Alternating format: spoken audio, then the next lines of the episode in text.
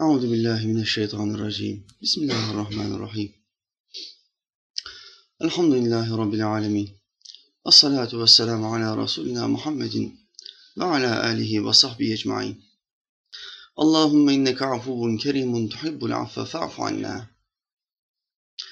ربنا آمنا بما أنزلت واتبعنا الرسول فاكتبنا مع الشاهدين. لا إله إلا أنت سبحانك إني كنت من الظالمين.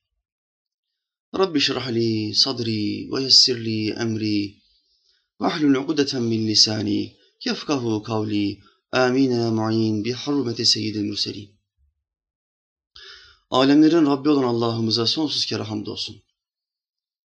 O Allah ki Adem'in Allah'ı, Nuh'un Allah'ı, Hud'un ve Salih'in Allah'ı, İbrahim'in, Lut'un, İsmail'in Allah'ı, İshak'ın, Yakub'un ve Yusuf'un Allah'ı, Eyyub'un Allah'ı, Şuayb'ın ve Musa'nın Allah'ı, Davud'un, Süleyman'ın, İlyas'ın ve Elyasa'nın Allah'ı, Yunus'un, Zekeriya'nın, Yahya'nın ve İsa'nın Allah'ı ve adı dört kitapta övülmüş olan Efendimiz Ahmet'in Allah'ı.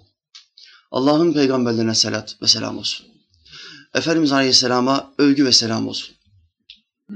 O peygamber, o san Resul, o sultanımız Efendimiz bir hadis-i şerifte bize şöyle buyuruyor. Her şeyin bir yolu vardır. Cennetin yolu da ilimdir.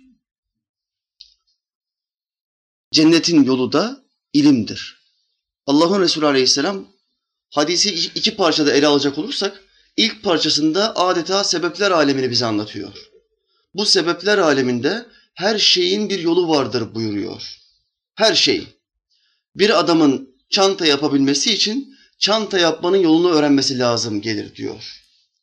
Bir adamın ayakkabı üretebilmesi için bir ayakkabı ustasından ayakkabı yapmayı öğrenmesi gerekir diyor.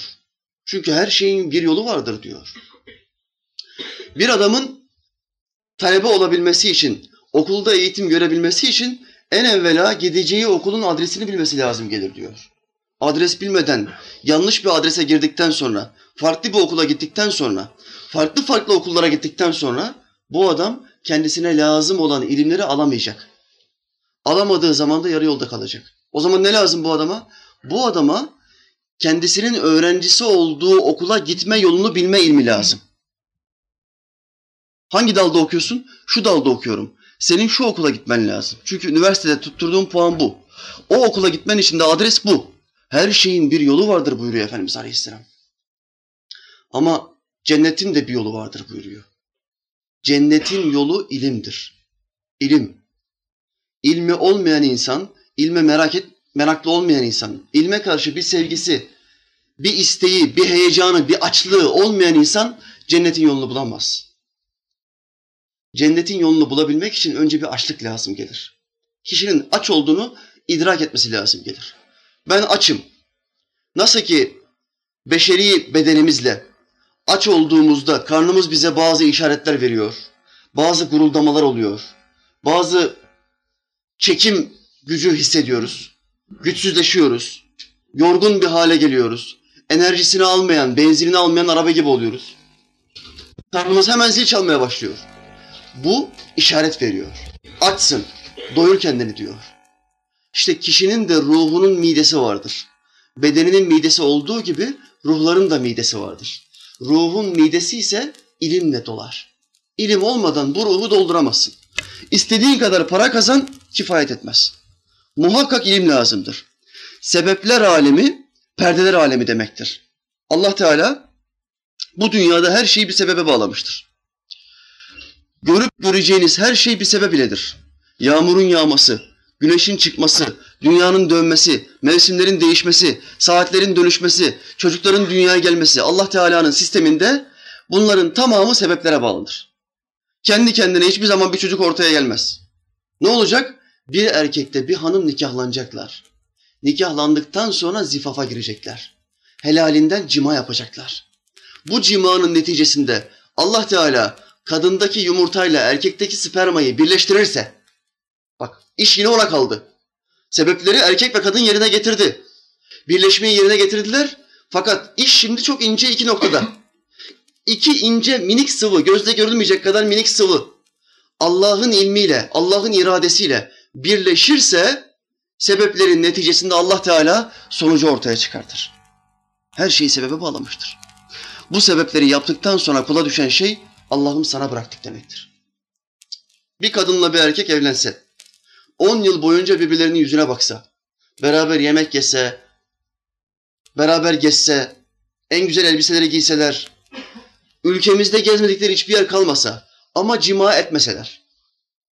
Ama evliliğin temel gayesi olan, ana gayesi olan ikisinin birbirinden haramdan sakındırmadır. Evliliğin temel gayesi haramdan sakınmaktır.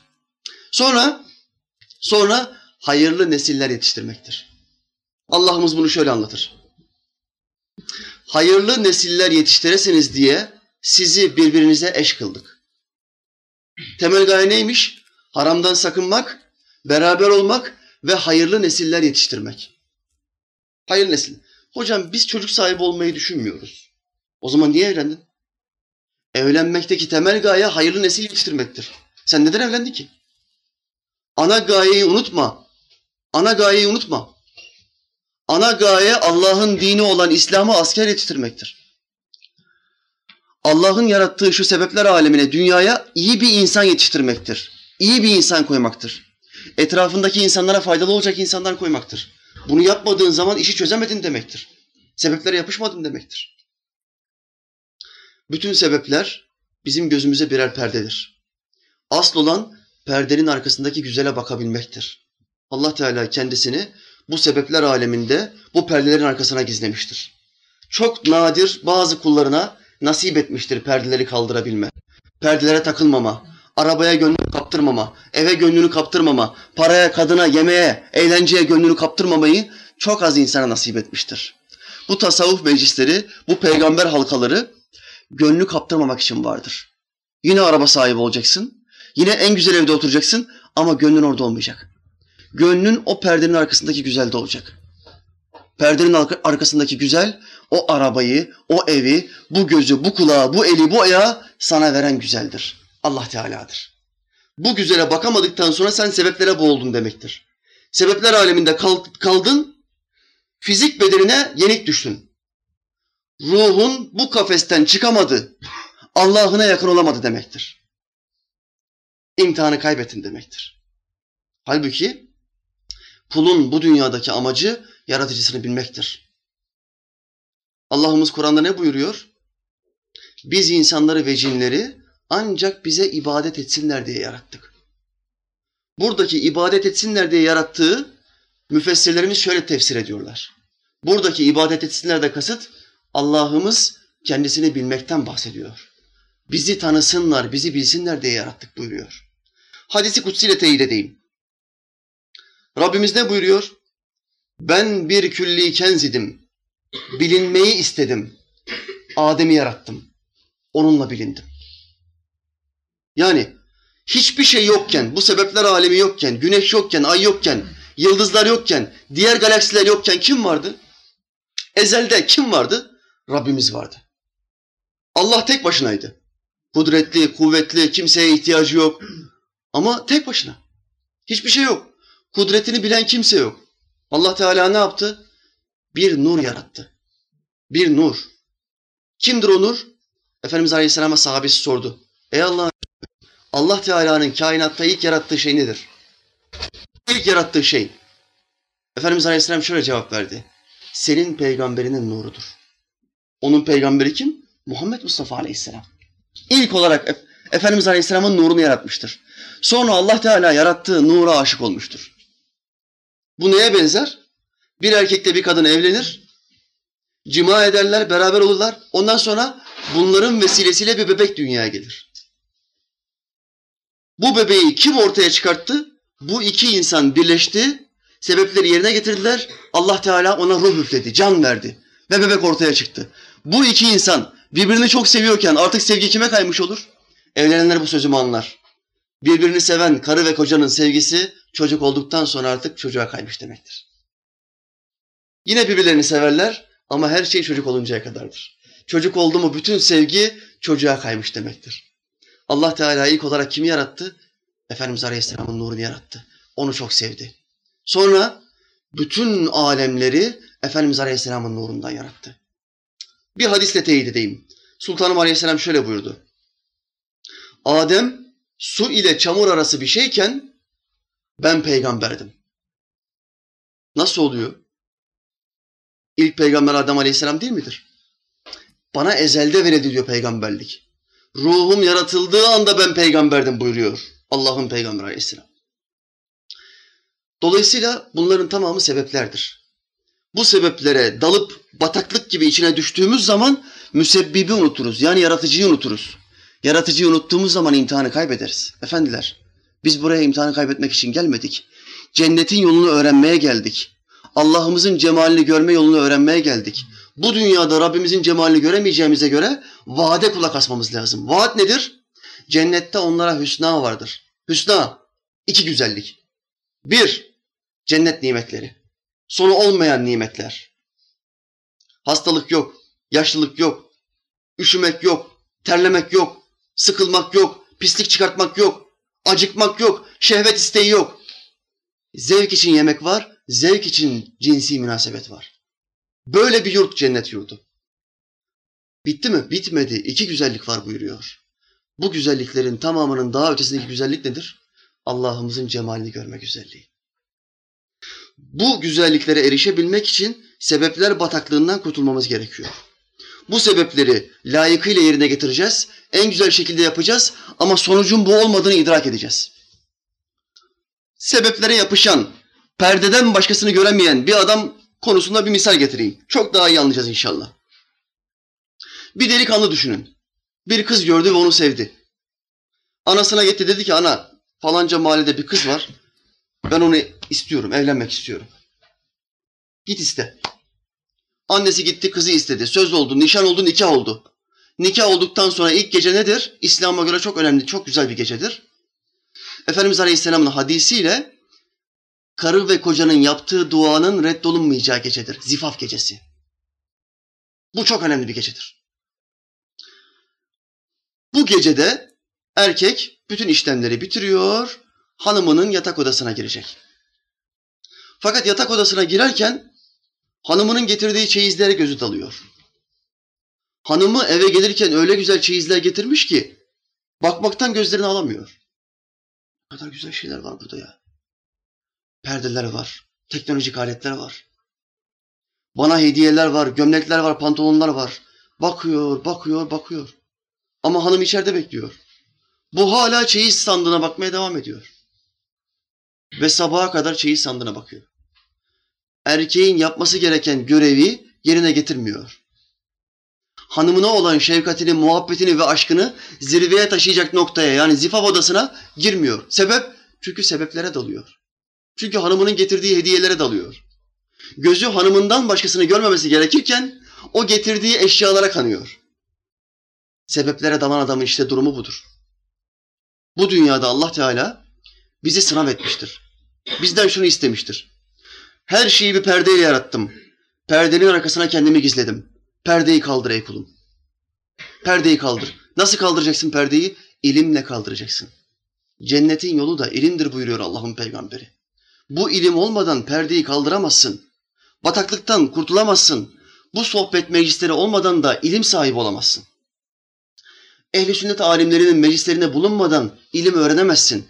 İlim öğrenemedin mi cahil kalırsın. Cahil kaldın mı da şaşırırsın.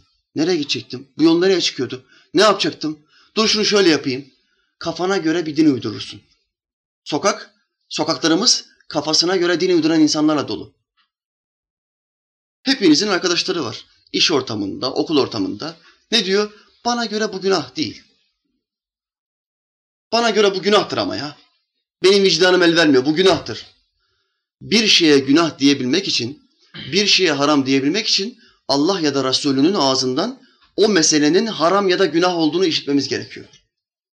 Bunları işitmediğimiz zaman, bunları okumadığımız yahut dinlemediğimiz zaman bir şeye günah ya da haram dedik mi biz kafir oluyoruz.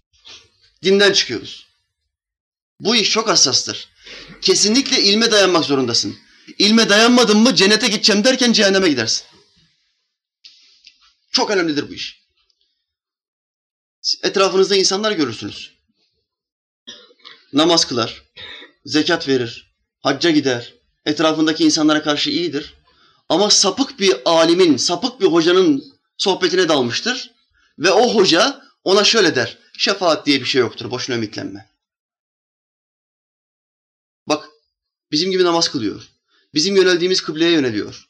Her şeyi bizim gibi yapıyor. Ama bir konuda ehli sünnet camiasından yani dünyadaki Müslümanların yüzde doksanından ayrılıyor. Ne diyor? Şefaat diye bir şey yoktur. Ayet ve hadislerle sabit olduğu için şefaati inkar eden ne olur? Kafir olur. Dinden çıkar. Bir meseleyi çok iyi anlamamız lazım. İslam'a göre Kur'an'daki altı bin küsur ayeti inkar etmekle Kur'an'daki tek bir ayeti inkar etmek arasında hiçbir fark yoktur. Ama hocam olur mu? O adam Kur'an'ın tamamını inkar ediyor. Bu adam ise sadece bir tane ayeti inkar ediyor. Aynı olur mu? Aynıdır. Allah Teala ikisine de Kur'an'da şöyle der. Onlar kafirlerdir. Ayetlerimizi inkar edenlere gelince onlar kafirlerin ta kendileridir. Dikkat buyurun. Altı bin küsur ayetimizi inkar edenlere gelince demiyor. Ayetlerimizden herhangi birini yahut herhangi bir kısmını inkar eden, reddeden, benim aklıma yatmadı diyen, bu bana uymuyor diyen ne oluyor? İslam'a göre bu adam kafir oluyor. Şefaat denen mesele ayetlerle sabit midir? Sabittir. Şimdi sen dersen ki şefaat yoktur. Ne oluyorsun? Allah'ımızın ayetlerinden bazısını işine gelmediği için, kafan ve ilmin ona yetmediği için, ehli sünnet alimlerinin meclislerinde bulunmadığın için reddediyorsun. Senden evvelki hayırlı alimlerin kitaplarını okumadığın için reddediyorsun. Kolaya gidiyorsun. Cahil bilmez uydurur. Sağır duymaz uydurur diye bir söz vardır ya. Cahil de bilmez uydurur. Olay hakkında bir ilmin yok, en kolay yola gidiyorsun. Şefaat diye bir şey yoktur. İnsan biraz ayet okur, biraz hadis okur, biraz tefsir okudur. Bu kadar ilim boşuna mı yazıldı? Bu kadar ilim boşuna mı nakledildi? Bu sahabi boşuna mı çalıştı? Senin hiçbir kafan çalışmıyor. Neyin peşindesin? Ne yapıyorsun? İşte bu ilimleri insan idrak etmediği zaman Müslüman olduğunu düşünür, cennet yolunda olduğunu düşünür ama cehennem yolundadır. Sapıtır. Allah'ımız bu dünyada bize iki tane düşman vermiştir. Bir tanesinin adı nefstir. Diğerinin adı şeytandır. Geçenlerde televizyon izlerken bir tanesinin ağzından şöyle bir söz işittim. Soruyor talebelerden bir tanesi hocasına diyor ki hocam nefis kötü bir şey midir? Bu sapık hoca da şöyle cevaplıyor. Hayır nefis kötü bir şey değildir. Nefis aslında iyi bir şeydir. Bizim onu tedavi etmemiz gerekir. Bizim onu çalıştırmamız gerekir. Uygun bir şekilde ne yapması gerektiğini öğretmemiz gerekir. Diye bir cevap verdi. Nefis kötü bir şey değildir dedi. Şimdi efendiler, ilim yolunda olmadığı için, ehli sünnet yolunda olmadığı için indiği davrandı. Kanaatine göre fikir beyan buyurdu. Bu hoca efendi. Doğrusu nedir hocam? Doğrusu Yusuf suresinde anlatılır. Yusuf aleyhisselam o surede kendisini yakalayan sahibine şöyle der. Ve ma uberri'u nefsi. Ben nefsimi temize çıkartmıyorum. İnnen nefse le emmâratun bis-sû. Şüphesiz ki nefis kötülüğü emreder. Şimdi Allah'ın peygamberi Kur'an'da diyor ki nefis kötülüğü emreder. Sense diyorsun yok o kötü değildir. Yaşadığımız dünyada bir insan kötülüğü emrediyorsa bu insana iyi insan diyebilir misiniz? Kötülüğü emrediyor. Git şunun parasını gasp et. Git şuna bıçak salla. Şununla düşmanlığın var arabasını çiz gece. Lastiğini patlat. Dükkanına molotof at. Bu sözleri söyleyen adama iyi adam diyebilir misiniz? Bu adam kötü adamdır. Allah'ın hükümlerinin tersine doğru hareket ediyor. Bu adam iyi değildir. İşte nefis bu adamın ta kendisidir. Allah Teala bu düşmanı, bu kafiri bizim içimize koymuştur. Ve dışımıza da buna akıl veren bir güç vermiştir. Nedir bu? Şeytan. Bunun sebebi nedir hocam? Bu imtihanın sebebi nedir? Bu imtihanın tek bir sebebi vardır. Ebu Bekir'le Ebu Cehil'in farkı belli olsun. Bunun sebebi budur. Bu nefisle şeytan olmasaydı Ebu Bekir'le Ebu Cehil'in hiçbir fark olmazdı. Fark onların sözünü dinlememekte. Onları reddetmektedir. Müslüman kendisine apaçık düşman olan bu iki kafire karşı, bu iki Allah düşmanına karşı kendisini savunur. Bir tane arkadaşınız gelse mahalleden size dese ki, Uğur kardeş, senin bu mahallede iki tane düşmanın var. Ayağını denk al. İki düşmanım var. Dikkat et. Hep hakkında planlar yapılıyor. Ben işitiyorum. Ayağını denk al. Ya köşede kıstıracaklar. Ya evine bir şey atacaklar. Ya arabanın lastiklerini patlatacaklar. Ya dükkanını yakacaklar. Bir şeyler duyuyorum Uğur kardeş. İki tane düşmanım var. Dedi. Size bir arkadaşınız bunu söyledi. Ne yaparsınız? Tedbirli olmaz mısınız? Gider savcılığa bir şeyler söylemez misiniz? Gider polise bir şeyler demez misiniz? Bir kağıtla bir dilekçeyle başvurma mısın? Benim başıma bir şey gelirse bu iki kişiden şüpheleniyorum. Bu kağıdı vermez misiniz? Yahut en kötü ihtimal yanınıza bir makine, bir silah almaz mısınız? Yahut akrabalarınıza haber vermez misiniz? Bak başıma bir şeyler gelebilir, beni bu ara yalnız bırakmayın. Demez misiniz? Efendiler, bizi uyaran mahallemizdeki sıradan bir adam değil. Bizi uyaran Allah'ın Peygamberi aleyhisselam. Allah Teala size iki tane düşman verdi. Biri nefis, biri şeytan. Bunların tek bir gayesi vardır. Sizi öldürmek değil. Bir adam gelir bir adamı öldürür. Adam iyi bir insansa cennete gider.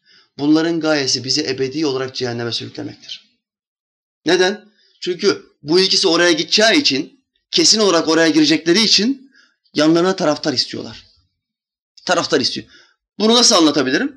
Mahallenizde içki içen iki tane adam var mı? Var. Bunların kafasında tek bir mesele vardır. Mahallemdeki herkes içki içsin. İçki meşru olsun. Ki insanlar beni içki içtiğim için ayıplamasınlar. Bütün mahallendeki içki içenler bunu isterler. Sebep? Gittiği yola seni de sürüklemek ister. Bir temsil daha getireyim. Mahallende sohbete giden iki tane adam var mı? Var hocam. Bunların da tek bir derdi, derdi davası vardır. Bütün mahallemin gençleri sohbete gitsin. Neden? Taraftar toplamak ister. Hangi insan nerede keyif ve lezzet alırsa oraya diğer insanların da gelmesini ister. Allah Teala bizi böyle yarattı. Mesele şudur. Cennet yoluna mı çağırıyoruz? Cehennem yoluna mı çağırıyoruz? Nereye çağırıyoruz? Bu sebepler aleminde sebepleri yerine getirmek için lazım olan ilimleri öğrenmek zorundayız. Para kazanmak için bize lazım olan ilimleri öğrenmek zorundayız. Helal nimet götürebilmek için eve bize lazım olan ilimleri öğrenmek zorundayız. Sadece ahiret ilimleri bize yeter hocam dediğin zaman dengeyi sapıtmış oluyorsun. Ahirette kendini kaptırmışsın, dünyayı bıraktın. Kim sahip olsun dünyaya? Hristiyanlarla Yahudiler sahip olsun. Nasılsa geçici hocam. İslam bunu istemiyor. İslam her iki tarafta da olacaksın diyor. Hem dünya için ölmeyecekmiş gibi çalışacaksın, hem de ahiret için yarın ölecekmiş gibi çalışacaksın. İslam bunu istiyor. Efendimiz Aleyhisselam'a sahabiler geldiler. Şöyle dediler. Ey Allah Resulü, hurma ağaçlarımızı Medine usulüne göre mi aşılayalım? Yoksa Yemen usulüne göre mi aşılayalım? Bu ağaçları aşılayacağız. Ama Yemen'den bazı Müslüman kardeşlerimiz geldi. Bizim aşıladığımız hurma ağaçları çok fazla yemiş veriyor dediler. Biz ne yapalım ey Allah Resulü? Şimdi Allah Resulü Aleyhisselam çiftçilik konusunda uzman bir insan mı? Hayır hiç bilmiyor. Ağaçlar konusunda bilgi sahibi bir insan mı? Hayır, ilmi yok. Ne buyurdu Efendimiz Aleyhisselam? Ağaçların yarısını Medine usulüne göre aşılayın. Yarısını da Yemen usulüne göre aşılayın. Sene sonunda hangisi daha çok mahsul verirse bundan sonra Medine'deki bütün hurma ağaçlarını o şekilde aşılayacağız. Bunun adı ilimdir. Dünya günümüz lisanıyla söyleyeyim fen ilmidir. Deneme yanılma yöntemiyle olayları bulma. Fen ilmi. Dikkat buyurun Allah Resulü Aleyhisselam bu sahabiler şöyle demedi. Durun bekleyin biraz. Allah Teala bana bir vahiy getirsin. Nasıl aşılayacağımızı o bana bildirir. Demedi. Ne buyurdu? Yarısını böyle yapın, yarısını böyle yapın. Hangisinden daha fazla mahsul elde edersek o şekilde devam ederiz. Bunun adı fen ilmidir. Mümin bütün ilimlere taliptir. Ancak mümin en çok değer verdiği ilim olarak cennete gitme ilmini ön plana koyar. En önemlisi budur. Bakın Allah'ın Peygamberi Aleyhisselam ne buyuruyor? Dünyada iki kimseye imrenin. İki kimse. Bir, Allah Teala kendisine ilim vermiştir. O kişi de ilmini insanların cennete gitmesi için sarf eder. Çalıştırır ve insanlara Allah'ın dilini öğretir. Bu kişiye imrenin. İki, ikincisi ne hocam? İki, Allah Teala kendisine mal vermiştir. Bu kimse de etrafındaki ihtiyaç sahiplerine mal aktarımı yapar. Çalıştırır. Helalinden kazanmalarını sağlar. Parasıyla yardımda bulunur. Zekat verir, sadaka verir. İşte bu iki kişiye çok imredin. Çünkü bu iki kişi Allah'ın sevdiği insanlardır. Efendiler, Allah Teala buradaki herkese hem biraz ilim verdi, hem biraz mal verdi. Bazısına çok verdi, bazısına az verdi. Ama verdi.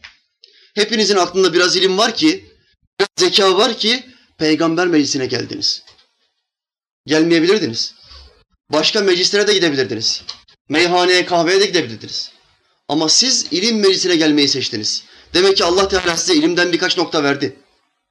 O zaman bize düşen bunu kullanmaktır. Bu sermayeyi mümkün olduğunca arttırmaya çalışmaktır. Bismillahirrahmanirrahim. Üstadımın himmetiyle inşallah.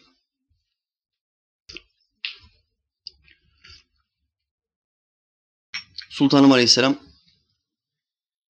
bir başka hadisinde şöyle buyuruyor. Ahirette ümmetimden bazıları mahşer meydanına domuz suretinde ve maymun suretinde geleceklerdir. Kimin ümmetiymiş bu? Hristiyanlar değil. Yahudiler değil. Ümmetimden bazıları. Ya domuz suretinde gelecek ya da maymun suretinde. Bunlar kimlerdir ey Allah Resulü? Bunlar etraflarında bir kötülük gördükleri halde insanları nehyanil münker yapmayanlardır. Yani kötülükten sakındırmayanlardır. Etrafında bazı insanlar zinanın serbest olmasını istiyor. Bazı insanlar zinaya gitmek istiyor ve insanları zinaya davet ediyor. Ve sen de bunu görüyorsun. Bunun haram olduğunu, Allah'ın kitabında bunun yasaklandığını biliyorsun. Ve sen bunu ikaz etmek için elinden hiçbir şey gelmiyor. Hiç uyarmıyorsun. Umursamıyorsun. Ben kendi yoluma giderim, o da kendi yoluna gitsin diyorsun. Bulunduğun ortamda bazıları çocukları hırsızlık yapması için teşvik ediyor. Alıştırma yapıyor. Şöyle yan cep yapacaksın, böyle aldatacaksın, bir tanesi önüne şöyle geçecek. O, o hırsızlık yapılacak olan kişinin dikkatini dağıtırken arkadaki gelip cüzdanı böyle alacak. Birileri devamlı birilerini hırsızlık konusunda teşvik etmeye çalışıyor, öğretmeye çalışıyor. Sen de bunları ikaz etmiyorsun. Bunlara karşı hiçbir faaliyetin yok. İşte Allah'ın Resulü Aleyhisselam bizi tehdit ediyor. Bunlar mahşere domuz suretinde yahut da maymun suretinde geleceklerdir. Efendiler, yıllardan beri genç kardeşlere hizmet etmeye çalışıyorum. Hizmet etmeye çalışmamın gayesi bu kardeşleri kurtarmak değil. Asıl gayesi kendimi kurtarmak. Asıl gayesi önce bu nefsi kurtarmak. Neden? Çünkü Allah Teala bir kula ilim verdiği zaman ona sorumluluk vermiş demektir. Tıpkı mal verdiği bir kul gibidir. Bir adama çok mal verdiği zaman ondan ne istiyor Allah'ımız ayetlerle? Zekat istiyor. Ona zekat vermek farz mı değil mi? Farzdır. Çünkü çok mal verdi. Bir adama da ilim verdiği zaman ondan hareket istiyor. Koşuşturma istiyor. Gençlerin peşinde koştur diyor. Yanlışı olanı, haram olanı ikaz et diyor. İnsanları Allah'ın peygamberinin ahlakına davet et diyor. Güzelliğe davet et diyor. Muhabbete, aşka davet et diyor. Bunu yapmadığın zaman kendine iki suret beğen diyor. Ya domuz suretinde geleceksin ya da maymun suretinde geleceksin. Korktuğum için insanlara hizmet yapıyorum. Biz kimiz ki insanları kurtaralım? Biz bakıyoruz Allah'ın verdiği bu ilimle kendimizi kurtaralım. Sizin de bu zihniyette olmanız lazım. İnsanlara İslam'ı aktarma, anlatma zihniyetinde olmanız lazım. Ve bunu yaparken hiçbir karşılık beklememeniz lazım. Karşılık beklemediğiniz zaman işte tesirat o zaman hasıl olur. Sözdeki tesirat o zaman hasıl olur. Allah ilmini anlattığın insanın kalbine muhabbet verir, feyiz verir. O kişinin kalbine feyiz geldiği zaman da namaza başlar. Haramı terk eder, zinayı terk eder, fuhşu terk eder, yalancılığı terk eder, düzenbazlığı terk eder. Her şeyi terk eder. Çünkü Allah Teala'nın ilim verdiği adam hayırlı bir adam demektir. Ne buyuruyor Sultanım Aleyhisselam? Allah bir kul için hayır murad ederse onu dinde fakih yapar. Fakih ne demektir? Fıkıh ilmine sahip olan adam demektir. Fıkıh. Fıkıh ne demek hocam? Helal nedir? Haram nedir? Mekruh nedir? Günah nedir? Caiz nedir? Şüpheli nedir? Buna fıkıh ilmi denir.